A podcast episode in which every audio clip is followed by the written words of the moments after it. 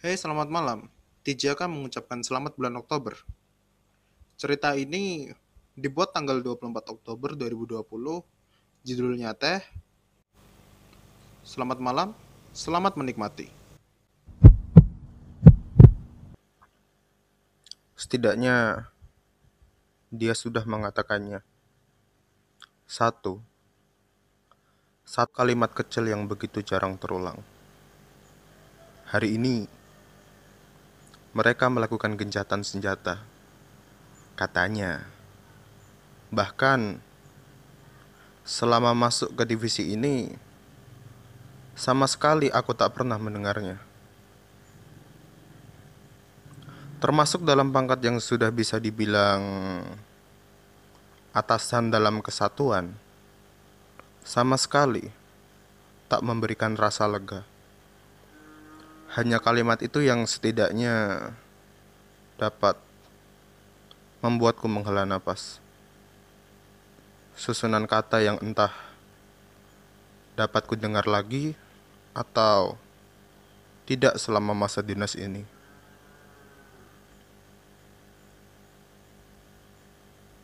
Sekarang sudah zaman ke-8. Bahkan sudah di abad terakhir teknologi sudah sebegitu majunya. Namun, entah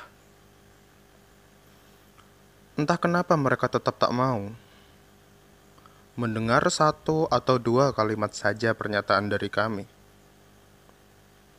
Perang ini tak akan pernah berakhir.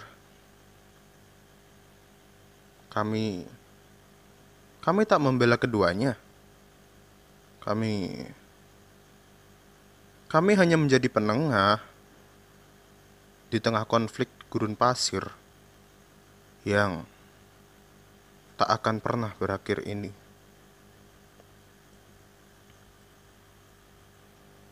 Sesekali dari lensa senapan, aku melihat orang berjatuhan satu demi satu, dan satu demi satu aku juga menjatuhkan orang-orang di sini. Bukan ahlinya sihir.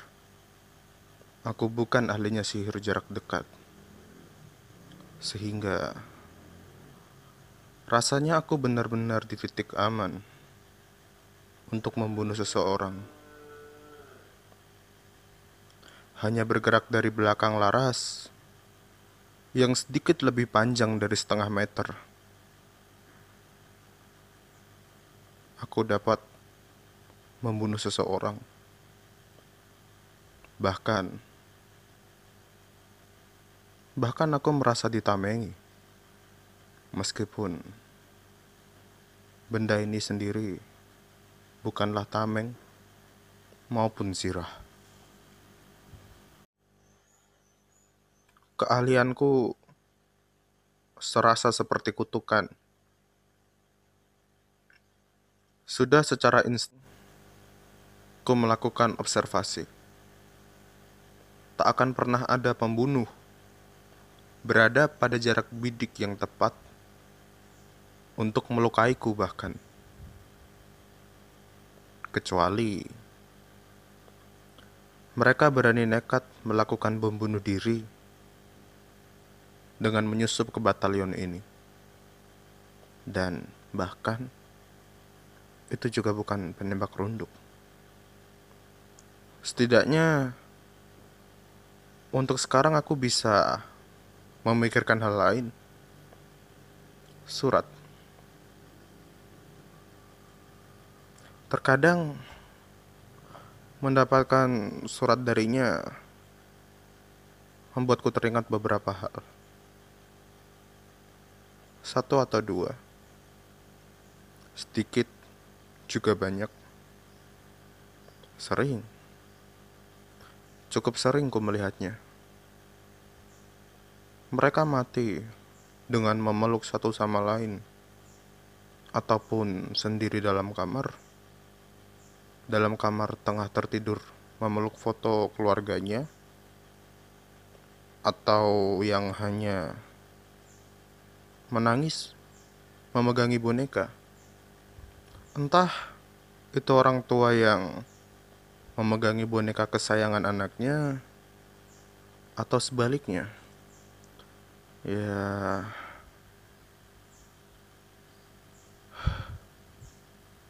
aku membunuh mereka. Segala yang kulakukan hanya berujung sebagai orang yang mendahului perintah dewa. Aku tak tahu tasbih yang kubawa tiap hari apa benar-benar berguna. 15 15 biji yang terus kuputar, kuputar, dan kuputar berkali-kali dengan kebaktian dan juga ujaran yang beragam. Beberapa lantunan bernada sering kusuarakan. Sembari menangis.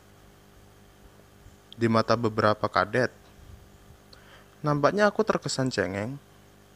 Atau mungkin hanya aku yang beranggapan demikian. Termasuk anggapan-anggapan lain.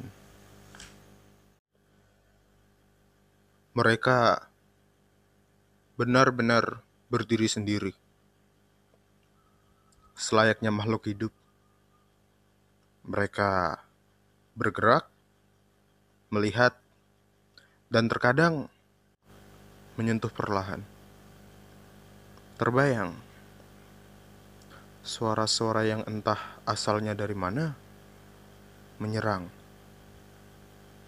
Tak sekali dan jarang sekali, hanya sekali serang. Aku mendengar rapalan mantra berlapis yang saling tumpuk menumpuk, tak menjadi satu, hanya berjatuhan satu persatu. Terkadang, ku berpikir yang terjadi ada kaitannya dengan penyakit. Memang, memang tak ada dokter mental Memang tak ada dokter mental di sini. Terkadang hanya alkohol dan beberapa obat cukup untuk menenangkan. Teh ini juga cukup untuk menenangkan. Dia selalu mengirimnya bersamaan dengan surat-surat yang ditulisnya. Ia menulis dengan tangan kecil yang serapuh kaca. Aku mencintainya. Dan apa yang sedang ada di dalamnya. Hah. Terkadang gue berpikir, tanggapannya ketika sudah bernapas nanti dengan hidungnya sendiri. Ketika nanti sudah beranjak dewasa dan tahu beberapa tragedi di kerajaan ini. Kerajaan yang sejatinya besar, namun begitu banyak masalah yang terjadi. Hanya karena perbedaan faham sejarah dan titik utamanya adalah apa yang akan ia pikirkan nanti. Apa yang akan ia pikirkan ketika sudah tahu siapa diriku? Apakah benar apa yang sering dikatakan jenderal? Benarkah? Benarkah kami semua, para pembunuh berantai ini akan dikenang sebagai pahlawan? Apakah ia akan tersenyum sembari memegangi tongkat layaknya senapan dan bermimpi menjadi seorang seperti aku? Hmm.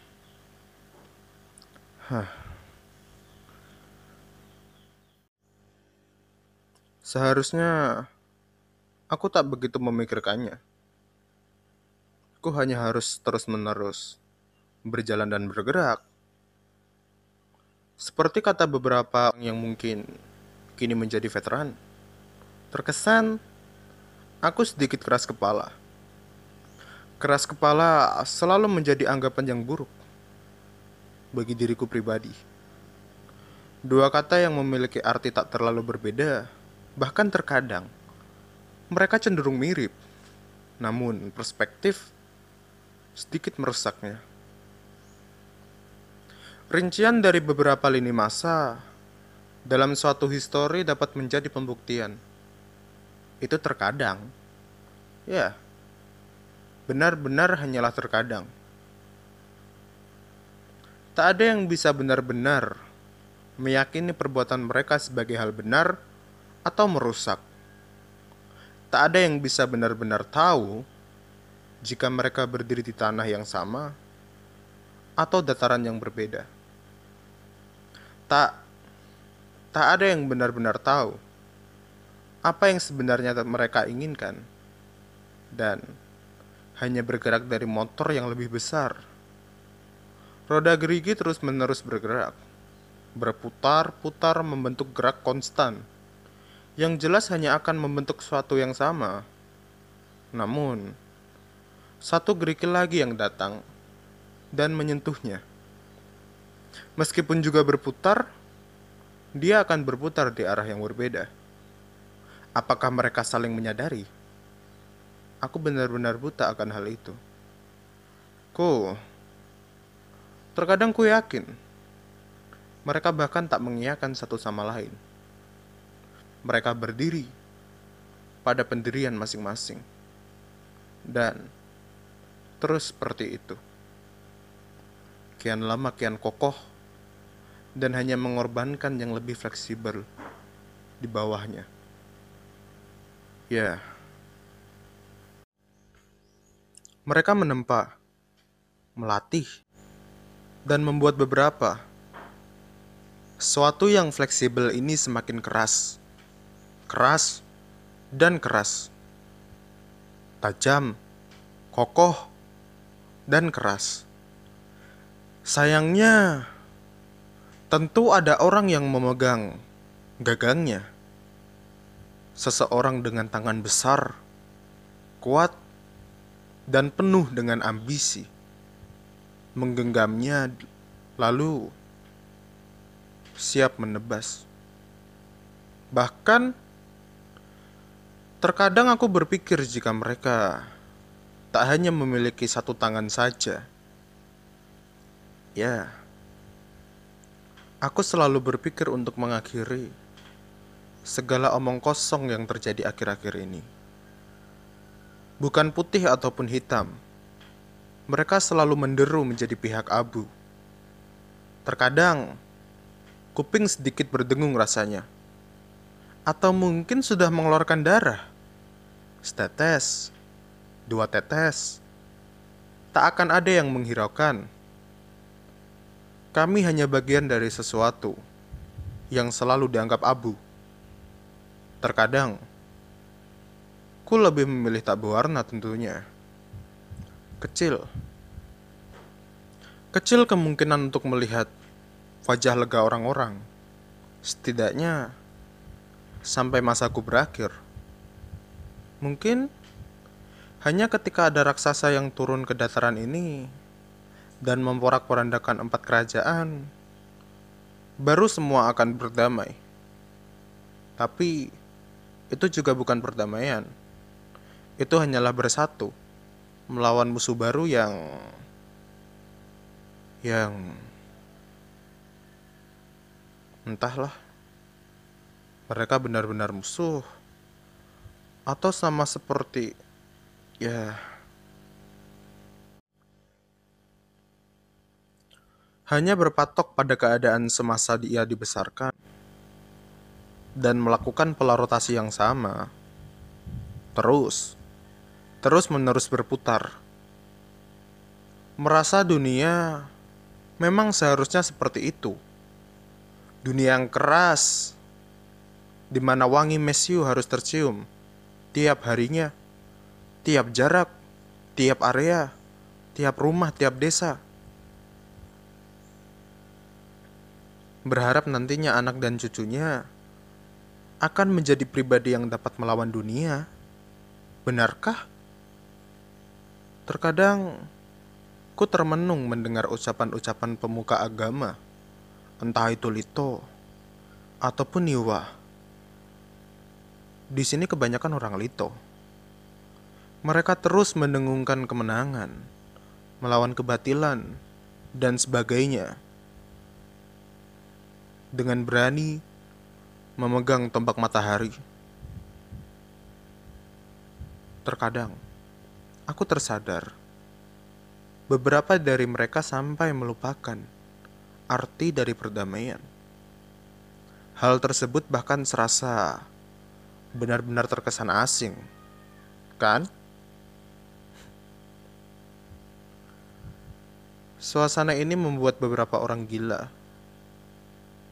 Beberapa orang yang awalnya hanya memegang binar kecil kunang-kunang. Mereka hanya ingin kunang-kunang itu terbang. Mereka Hah. Sebaiknya segera aku minum teh ini. Sebelum kapten yang cerewet itu berubah pikiran. Entahlah. Bahkan ia bisa-bisanya secerewet itu.